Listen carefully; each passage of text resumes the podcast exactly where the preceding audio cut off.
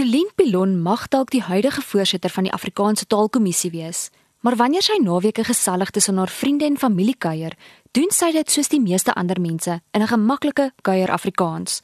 Sy het in Marula Media se ateljee oor haar betrokkeheid by die taalwêreld en allerlei ander dinge kom gesels. Daar's so baie fantastiese en interessante dinge aan die gang in die Afrikaanse taalwêreld, soos jy seker ook goed weet. Een van die name wat dan nou maar eerste by mense opkom is die Virtuele Instituut vir Afrikaans wat allerlei dinge doen om Afrikaanse hulpbronne te bou en te bewaar en so aan. Een van hulle projekte is die taalonderrigportaal waar ons besig is om 'n nuwe grammatika vir Afrikaans te skryf. Nou ek weet nie of jy weet nie, maar die laaste omvattende taalboeke is meer as 20 jaar gelede geskryf, almal van hulle. As jy dink aan Afrikaanse sintaksis van Bonelis is in 1979 geskryf. So dit is wanneer laas daar eintlik inligting oor Afrikaanse taalkunde verskyn het. So ons is besig om te probeer om hierdie gaping te vul en ons skryf dan nou hierdie algemene Afrikaanse grammatika en ons probeer om dit op spesifiek twee teikenmarkte as ek dit so kan stel terug. En die een is skole. Die een gedeelte van die grammatika is spesifiek vir skoolkinders en bevat dan nou die inligting wat volgens ons kurrikulumkenners deel moet wees van so 'n tipe grammatika. Die uitgebreide weergawe van die grammatika is spesifiek gemik op studente wat Afrikaans op universiteit neem en dit is dan nou 'n bietjie meer uitgebreide weergawe van die skoolgrammatika.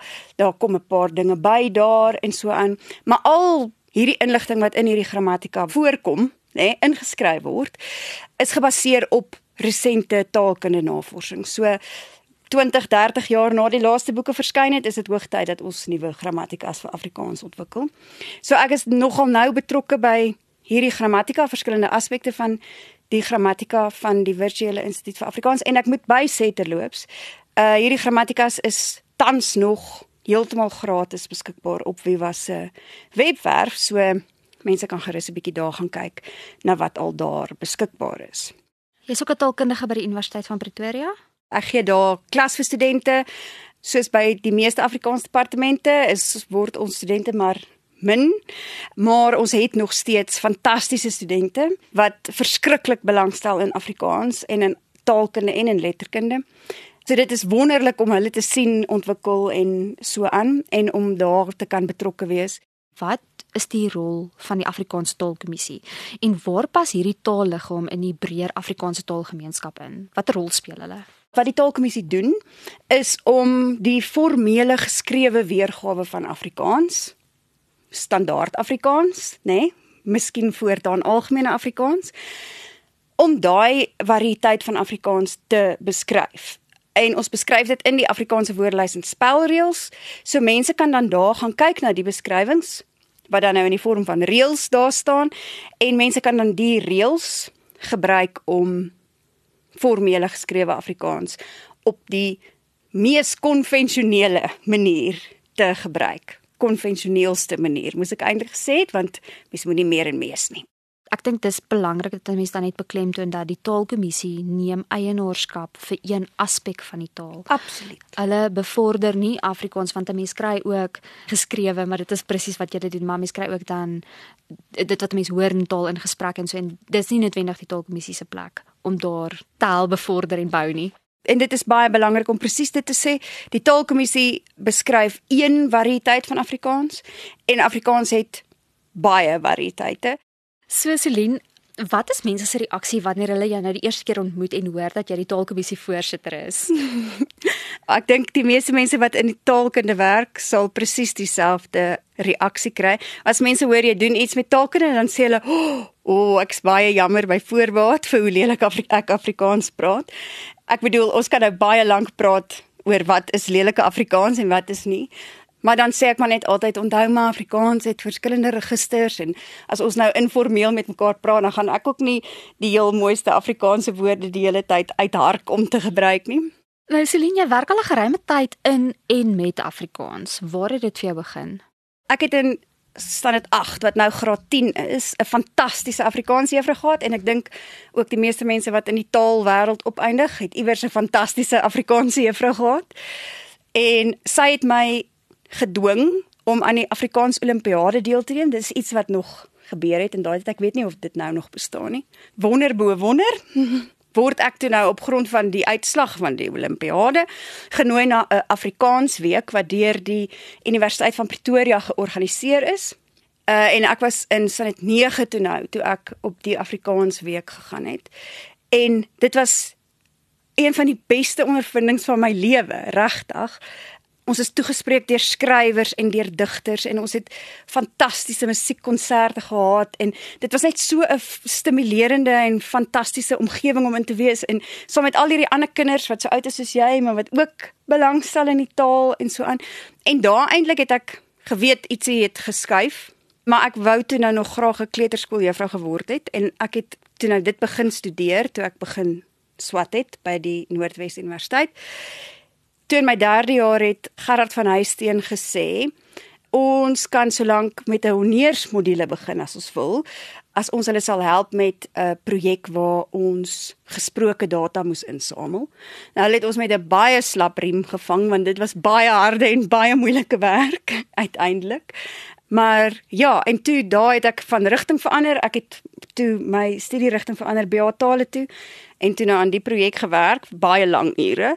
En toe ja, my honeurs in Afrikaans gedoen en toe het ek werk gekry by die Noordwes Universiteit, daar begin klas gee en toe nou net nooit weer opgehou nie.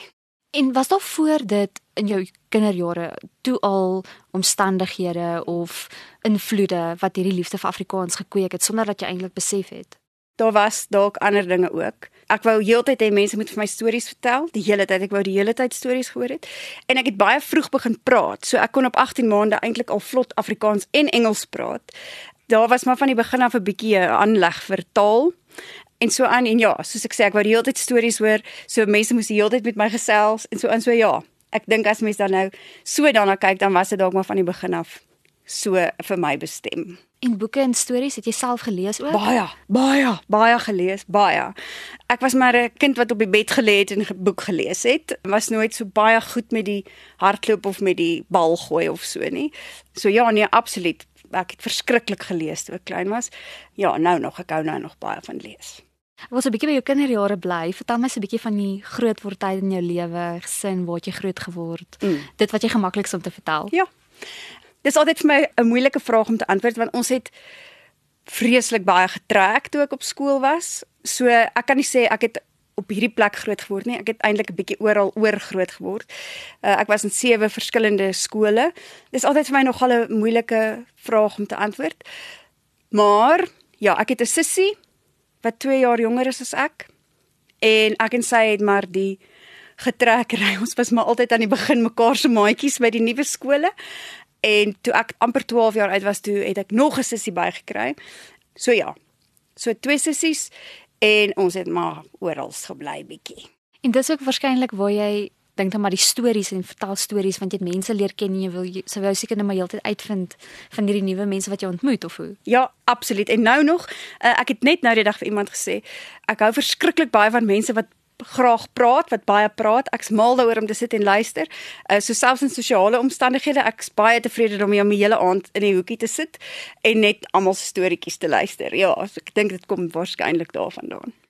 Nou as jy vandag sonder enige implikasie 'n ander loopbaanrigting kan inslaan. Sou jy iets anders wou gedoen het of is jy gelukkig waar jy is? Ek is baie gelukkig waar ek is, maar ek stel verskriklik baie belang in die dinge wat in die ruimte aan die gang is. So ek sê dikwels as ek weer kon kies sou ek 'n astrofisikus wou geword het. Maar dan nou dit is wonderlike drome om te hê, maar die punte nou nie heeltemal in vir my in die rigting ingedruk nie, nê. Nee, ek was maar 'n tale meisie. was nou nie heeltemal so fantasties met die wiskunde nie. Maar so miskien as ek as ek my talente kan oorkies, dan sou ek 'n astrofisikus wou geword het. Maar nee, ek is baie gelukkig met dit waarmee ek doen. Ek dink regtig daar's baie mense wat nie so baie van hulle werk hou nie. En dit is 'n absolute voorreg dink ek en ja, ek's baie bewus van hoe groot voorreg dit is dat ek regtig mal is oor dit wat ek doen. Ek is mal daaroor om vir studente klas te gee. Ek is mal daaroor om hulle te help en te begelei en so aan. Ek vind die navorsing wat ek en kollegas doen fascinerend. So ek is definitief in 'n baie bevoordeelde posisie dat ek baie hou van die werk wat ek doen. As jy terugkyk oor die afgelope jaar, het daar geweldig baie aan die Afrikaanse taalwêreld gebeur. Maar as jy nou vandag moet sê hoe dit met Afrikaans gaan, sou jy sê ons moet bekommerd wees of sou jy sê ons doen genoeg om die taal te help bevorder? Ek is glad nie bekommerd oor Afrikaans nie, glad nie. Maar ek is dalk naïef optimisties. En wat ek net ook moet bysê is ek is nie 'n taalaktivis nie. So ek het nie heeltemal my vingers so mooi op die pols van presies wat al die probleme is waaroor ons moet bekommerd wees nie.